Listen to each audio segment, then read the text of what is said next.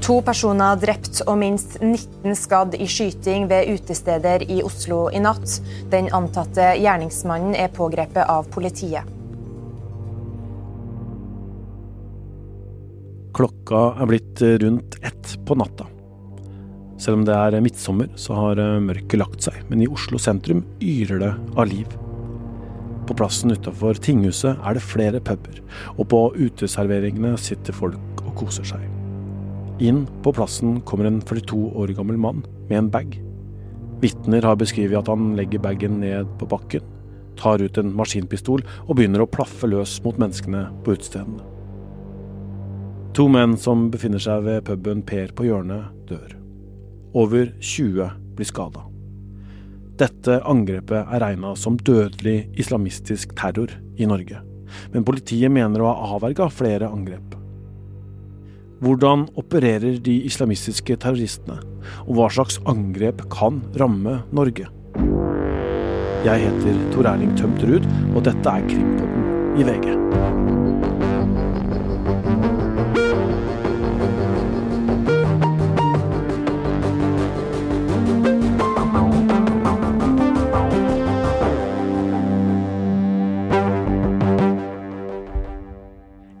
Terrorforsker kommer straks til å svare på hva som kan ramme oss, men først skal jeg oppsummere noe av det som har kommet fram av meldinger fra det politiet mener er terrornettverk, og som de mener hadde med angrepet i Oslo å gjøre.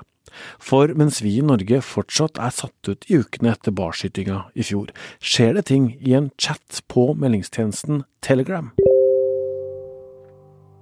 Det er Arfan Bhatti som er avsenderen, mener politiet. Bhatti er en norsk islamist, og politiet mener han medvirka til 25. juni-angrepet. Den politiet altså mener er Bhatti, skriver fram og tilbake med en høytstående leder fra terrororganisasjonen IS. Tror han. Men det Bhatti ikke veit, er at denne terrorlederen er en undercover etterretningsagent. I en av samtalene skriver Bhatti, eller det politiet gjennom etterforskningen mener er Bhatti, at i think she could pull the vest. Altså tolka som at denne She kunne ha gjennomført et selvmordsangrep med vest. Bhatti fortsetter å referere til denne kvinnen som han kaller søster.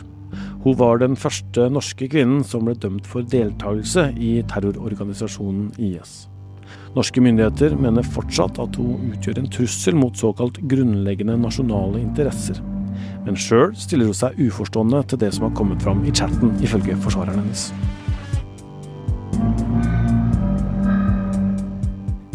En liten stund etter denne første meldinga om Vesten skal Batti ha skrevet She is ready.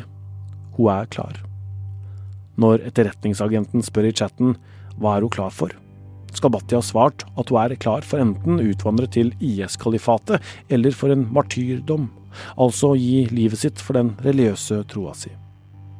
Kvinnens forsvarer, Svein Holden, sier til VG etter avsløringa av chatten at hun mener disse opplysningene er totalt oppspinn, og stiller seg uforstående til meldingene.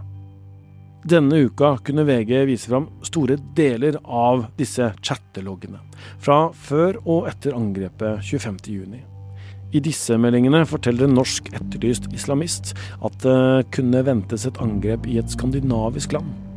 Denne islamisten skal være en del av nettverket til Arfan Bhatti, ifølge VGs opplysninger.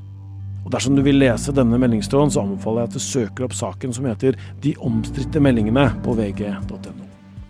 Advokaten til Arfan Bhatti, Jon Christian Elden, mener dette er hypotetiske problemstillinger, siden politiet i etterforskningen mener at Bhatti er en av dem som sender meldingene i chatten. Elden sier dette er fragmenterte, ikke-verifiserte påstander om deler av en kommunikasjon. Det er tvilsomt om dette er rettslig gyldig som bevis, og han understreker at Bhatti nekter skyld. I Norge har vi hatt flere terrorangrep men vi må skille dem fra hverandre. Vi har høyreekstremistiske angrep. Det verste var 22.07.2011, der 77 eh, mennesker døde av Anders Behring Breivik sine handlinger. Og åtte år etter så drepte Philip Manshaus sin søster før han forsøkte å angripe en moské i Bærum. Så, 25.6 i fjor, ble to menn drept i Oslo sentrum, og det regnes som et islamistisk angrep. Og for å forstå mer om de angrepene har jeg fått besøk. Du bare Du må snakke ganske nærme. Ok. Ja, hallo. Hei, hei. Terror. Dette er Petter Nesser. Han er terrorforsker. Terrorforsker, ja. Ved Forsvarets forskningsinstitutt. Ja. Hva er, det du, hva er det du gjør da?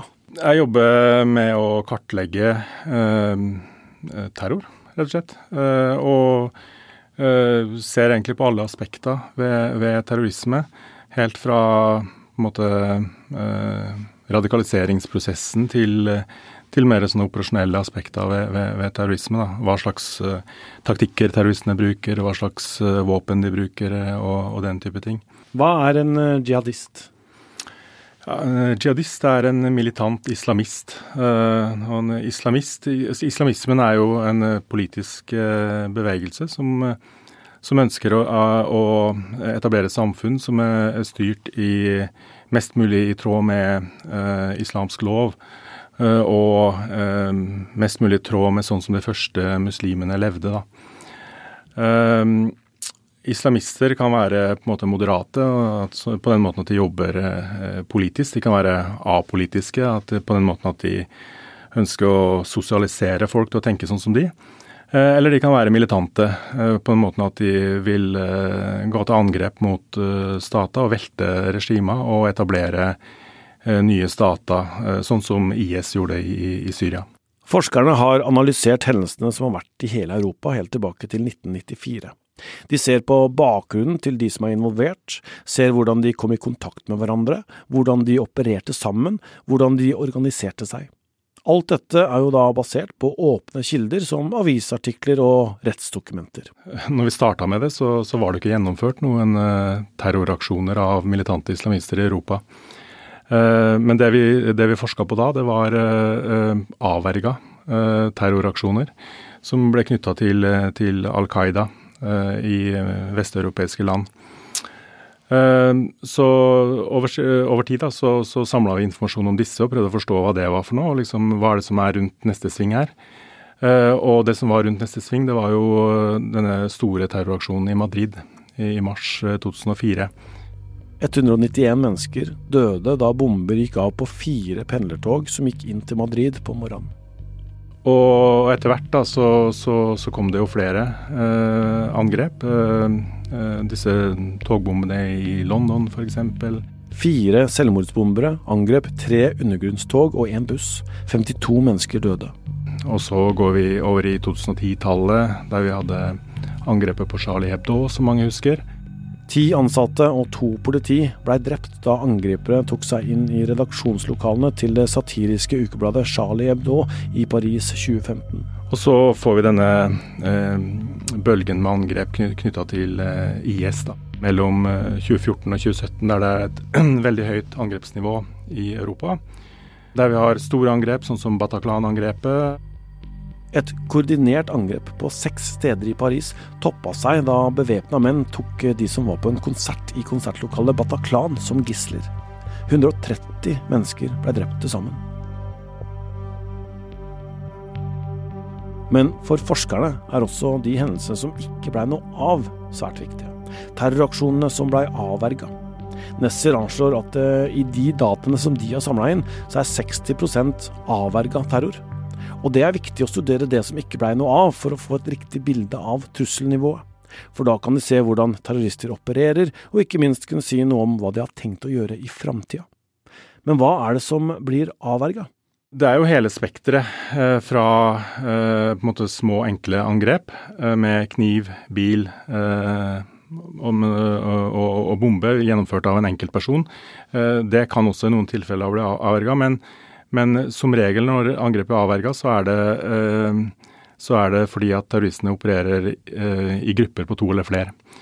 Eh, og at de kommuniserer med hverandre, og at de har ganske høye ambisjoner for angrepene sine. Sånn at de ønsker å gjennomføre f.eks. store bombeangrep. Og da trenger de å skaffe seg ingredienser til, til en bombe. Um, og, og, utstyr, da.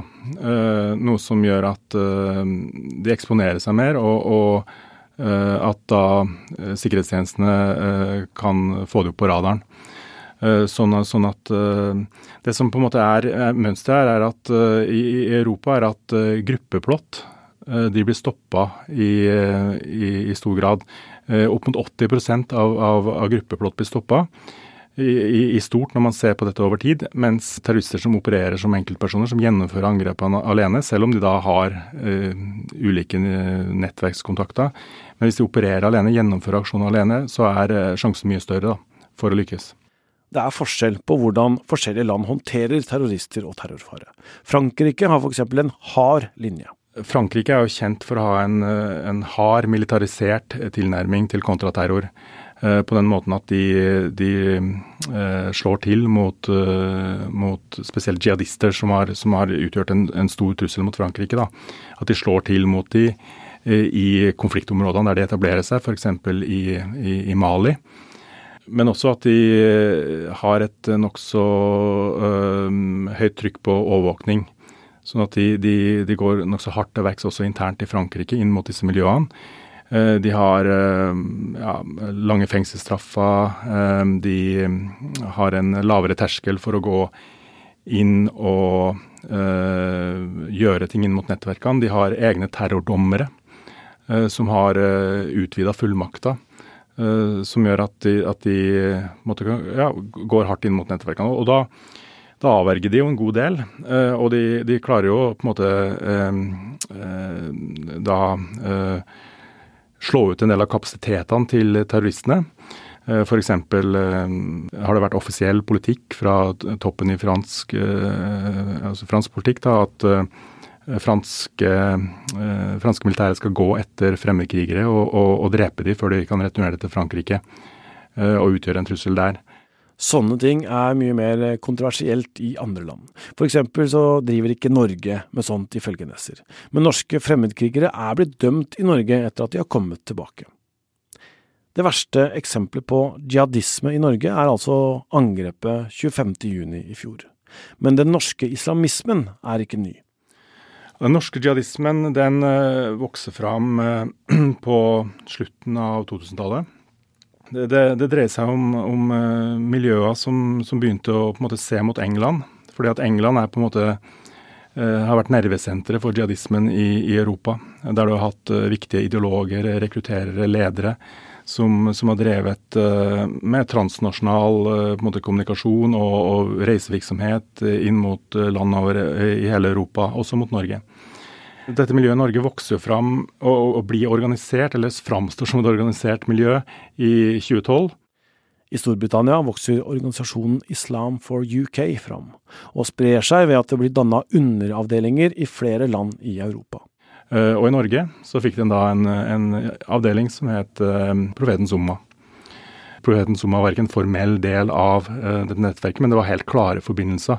Uh, de, de, opererte akkurat sånn som Njem Chowdhury sin gruppe i, i Storbritannia, uh, gjennom demonstrasjoner, gjennom å holde pressekonferanse. De utnytta på en måte de frihetene vi har gjennom, gjennom ytringsfrihet og, og på en måte rett til å organisere oss politisk. Og klarte på den måten å, å, å skape entusiasme og også rekruttering blant norske ungdommer. Og så øh, ble det da, øh, endte jo det her med at uh, om lag 100 norske unge reiste til, til Syria og, og, ble en del av, av, IS. Men vi har også hatt avverginger her i Norge. I 2017 ble en 17-åring arrestert for å ha hatt med seg en hjemmelaga bombe i sekken. Og i 2021 ble en annen tenåring tatt med hjemmelaga nikotingift og dømt for terrorplanlegging. Så hva er det forsker Petter Nesser mener vi står overfor når det gjelder islamistisk terror i Europa? Du har alt fra store bombeaksjoner, bilbomber f.eks. Eh, du har eh, selvmordsvester. Eh, du har angrep med skytevåpen og med kniv og med andre hugg- og stikkvåpen. Og det har også vært eksempler på at man har forsøkt å framstille giftstoffer da, for å bruke i, i terrorøyemed. Over tid så, så, har, så har, endret, bildet endra seg en del, og det har blitt mer vanlig med uh, bruk av, av skytevåpen, uh, stikkvåpen, uh, og også da biler som blir kjørt inn i, i, i, i folkemengda. Er det realistiske scenarioer også i Norge?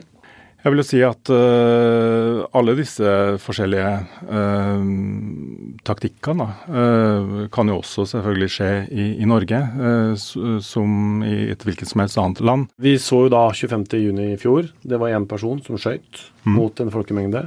Kan en selvmordsbomber i et 17. mai-tog være et, et scenario?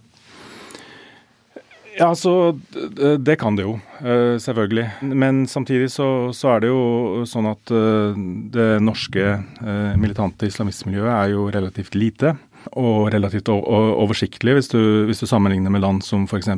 Storbritannia eller Frankrike, som har på tusenvis av personer som de er bekymra for kan, kan, gjennomføre noe. Sånn at, sånn at i, i, i, den forstand da, så, så, er jo sjansen mindre i, i Norge.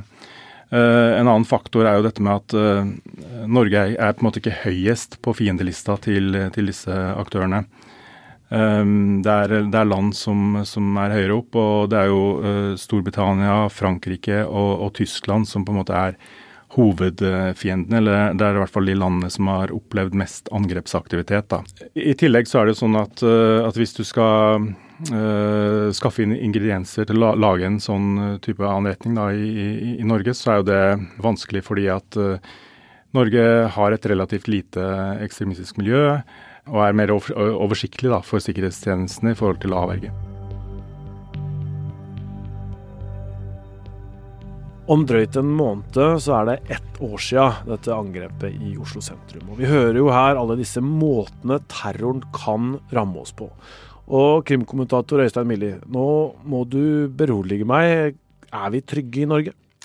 Ja, ja, Har du gravd deg helt ned i, i, mørk terror nå, da? Ja, ja, men hvis du ser da, altså gjennom disse 20 åra, det har skjedd så store angrep, så sier jo han at det kan skje her også. Men eh, så sier han jo at mesteparten eh, av det man ser kunne blitt et angrep, det blir jo avverga, så det er jo noe, vel? Ja, det er jo noe, men kan vi være trygge på at norske myndigheter, altså politi, Forsvaret eller hva det nå er, beskytter oss? Ja, det er jo det vi eh, håper og tror. Eh, og så har det jo kommet frem eh, etter 25.6 i fjor at Etterretningstjenesten kanskje fikk informasjon om at noe skulle skje. og Det er en diskusjon om hvorvidt PST, altså politiet, fikk denne informasjonen. og at noen kunne ha gjort noe for å avverge dødsfallene på, ved, rundt Per på hjørnet, rett nedenfor tinghuset i Oslo her som vi sitter nå. Mm. Og jo, det ble jo i tillegg veldig mange skadd, både fysisk og psykisk, så det er jo en svært alvorlig handling som skjedde, og den diskusjonen den pågår jo nå da, om norske myndigheter kunne eller burde gjort noe annerledes der er det jo kommet fram da, at det er eh, meldinger eh, både før og etter dette angrepet som tyder på at noe skulle skje. Eh, kunne det vært avverga? Det eh, vil jeg si at uh, muligheten uh, er til stede for at man kunne. og så skal det jo selvfølgelig evalueres og ses på, men, men sånn som det foreligger, så vil jeg si at, at man kunne tenke seg at noe mer kunne vært gjort. Nå skal det sies at det ikke var noe veldig konkret i de meldingene, men som vi har vært inne på før, så er det jo et spørsmål om man burde ha tenkt at ok, la oss få lista opp en topp tre eller topp fire, topp fem av hva vi vet skal skje den nærmeste framtid, og tenke hvor er det noen eh, islamister, ekstremislamister, kan på dette nivået kan tenkes og ville angripe. Og da mener jeg at pride-markeringa ville ha vært et naturlig topp tre-mål, som man da måtte ha vurdert å gjøre tiltak rundt. Og så skal jeg legge til at nå var det jo ikke selve pride-markeringa som ble eh, angrepet. Det skjedde på natta, men det var altså da et angrep retta mot det skjeve miljøet i Oslo. Uh, I den forstand at London pub som ligger der, uh, også er på en måte en sånn uh, skeiv pub, da. Ja, mm. sånn at Ja. Det er jo komplisert og sammensatt, og så tenker jeg at man uansett skal stille det spørsmålet og tenke at selv om man har gjort mye, så skal man alltid tenke at kunne vi gjort noe mer, og være kritisk og tenke at det, det svaret på det kan jo være ja. Mm. Og så har jo vi i VG skrevet mye om eh, en meldingsutveksling altså, mellom det som da eh, er en en undercover-agent fra etterretningstjenesten i Forsvaret, eh, etter sigende, og meldinger med det som da politiet mener er Arfan Bhatti. Og Arfan Bhatti er en, en kjent islamist i, i, Norge. Når han gjør noe, så sier jo politiet at da, da går radaren, ikke sant. Det, det kommer rødt flagg. Mm. Og Så sier jo da forsvareren hans Jon Christian Elden at uh, han stiller seg helt uforstående til dette her, uh, og har ikke hatt noe med dette angrepet her å gjøre. Uh, men hva er din take på dette? Nei, det er jo Det som er kommet frem nå, som vi i VG har publisert en stor artikkel på, er jo chattene før terrorangrepet. Som du sier, så var det da Sånn at eh, det man mener var van Batti, hadde en dialog med det myndighetene mener han trodde var en eh, medsammensvoren, mm. men som da var en agent som jobbet for norske myndigheter. Og så vet vi ikke nøyaktig hvilken rolle og uh, ja, omstendighetene rundt denne agenten, men det var i hvert fall sånn at vedkommende hadde spilte dobbeltspill uh, og utga seg for å være på Battis side, men i realiteten jobba for norske myndigheter. og det gjorde jo at man fikk da en del eh, informasjon, og bl.a. da at eh, det skulle Det var snakk om et angrep, og at det skulle være i Skandinavia. Eh, og så leder jo det tilbake igjen til det vi akkurat snakka om, om, om, om, man da burde ha gjort noe mer enn det man gjorde når man hadde disse meldingene som folk kan gå inn og lese i sin helhet på, på vg.no. Ja, for De snakker jo om en vest, de snakker om en martyrdød, eh, og det er jo sånne indikasjoner på at noe skal skje, men det er ikke konkrete opplysninger på at det, da og da, klokka det og det, skjer det der og der i Oslo f.eks.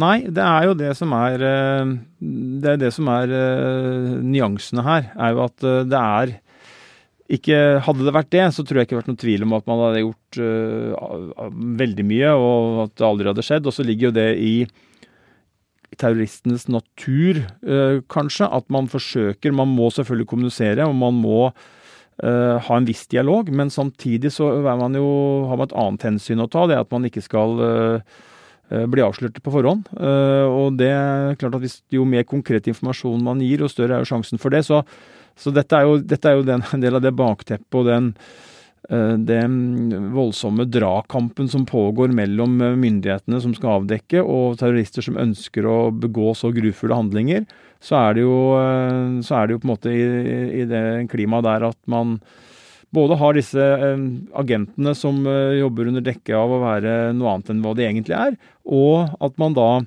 har, ser helt tydelig at terrorister de har en veldig bevisst holdning til eh, å på en måte kunne gi nok informasjon til å holde den dialogen de ønsker i gang, men samtidig er veldig varsomme med å si for mye, fordi at de vet nettopp eh, at det som nå har skjedd, da, tilsynelatende kan skje, nemlig at man blir lurt av en agent som man tror er en medsammensvoren, men som jobber for myndighetene i et land. Så her sitter det altså folk, da, hvis vi skal tro politiet her, eh, som har eh, kunnskap om at det skal skje et angrep. De sitter og da chatter med det de tror er IS, ikke sant, for å få en slags anerkjennelse eller støtte for, for disse angrepene.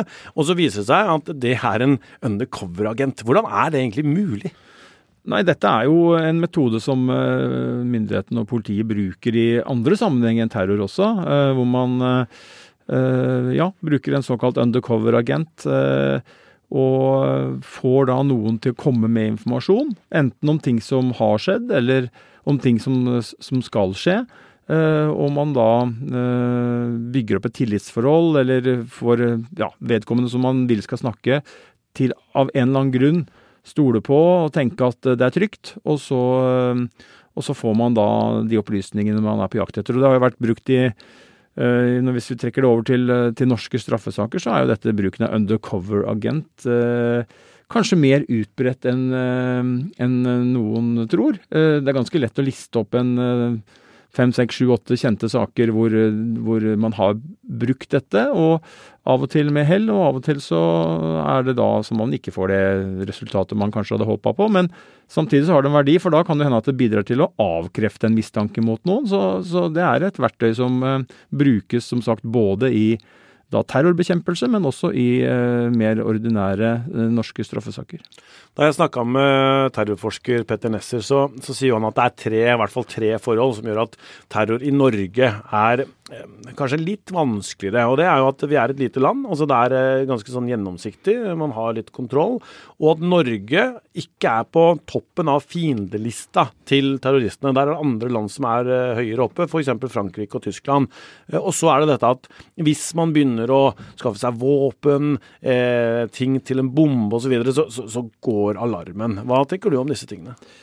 Ja, det er nok riktig at det er, og særlig hvis man er flere som skal samarbeide om noe, så er sjansen for å bli avslørt uh, stor. Og så vet vi jo av smertelig erfaring at hvis du uh, utsettes for en, uh, en soloterrorist, som vi har opplevd i Norge med ja, helt fatalt utfall Med Breivik, ja. Med Breivik, mm. så er det jo mulig. Nå har vi jo sett begge deler. Eh, vi har sett terrorangrepet her i Oslo, eh, hvor det er flere, som politiet ser det, som har samarbeida om å begå den terroren. Og vi har sett eh, da fatale konsekvensene av en, av en solospiller. Sånn at det å Uh, tro og tenke at Norge er så lite og trygt at vi stort sett ikke rammes, det må, tror jeg ikke skal være en sovepute. Uh, men det er klart uh, at det er en faktor som gjør at vi kan føle oss litt tryggere, det tror jeg vi kan legge til grunn. Men, men å avskrive det, det må vi aldri gjøre. Krimpodden er på Facebook. Sjekk oss ut der. Vi har også noen bilder fra livepodkastene våre på Instagram. Takk til alle som kom på den, forresten. Og husk at hver uke lager vi egne episoder for deg som hører Krimpodden hos Podme. Vi har nettopp lagt ut en miniserie der om en forsvarer som har vært viktig i justismordsakene. Få med deg den.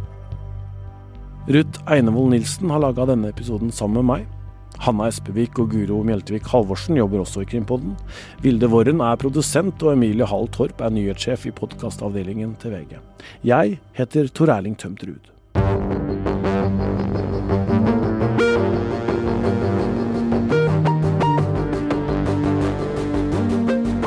Har hørt en podkast fra VG. Ansvarlig redaktør, Gard Steiro.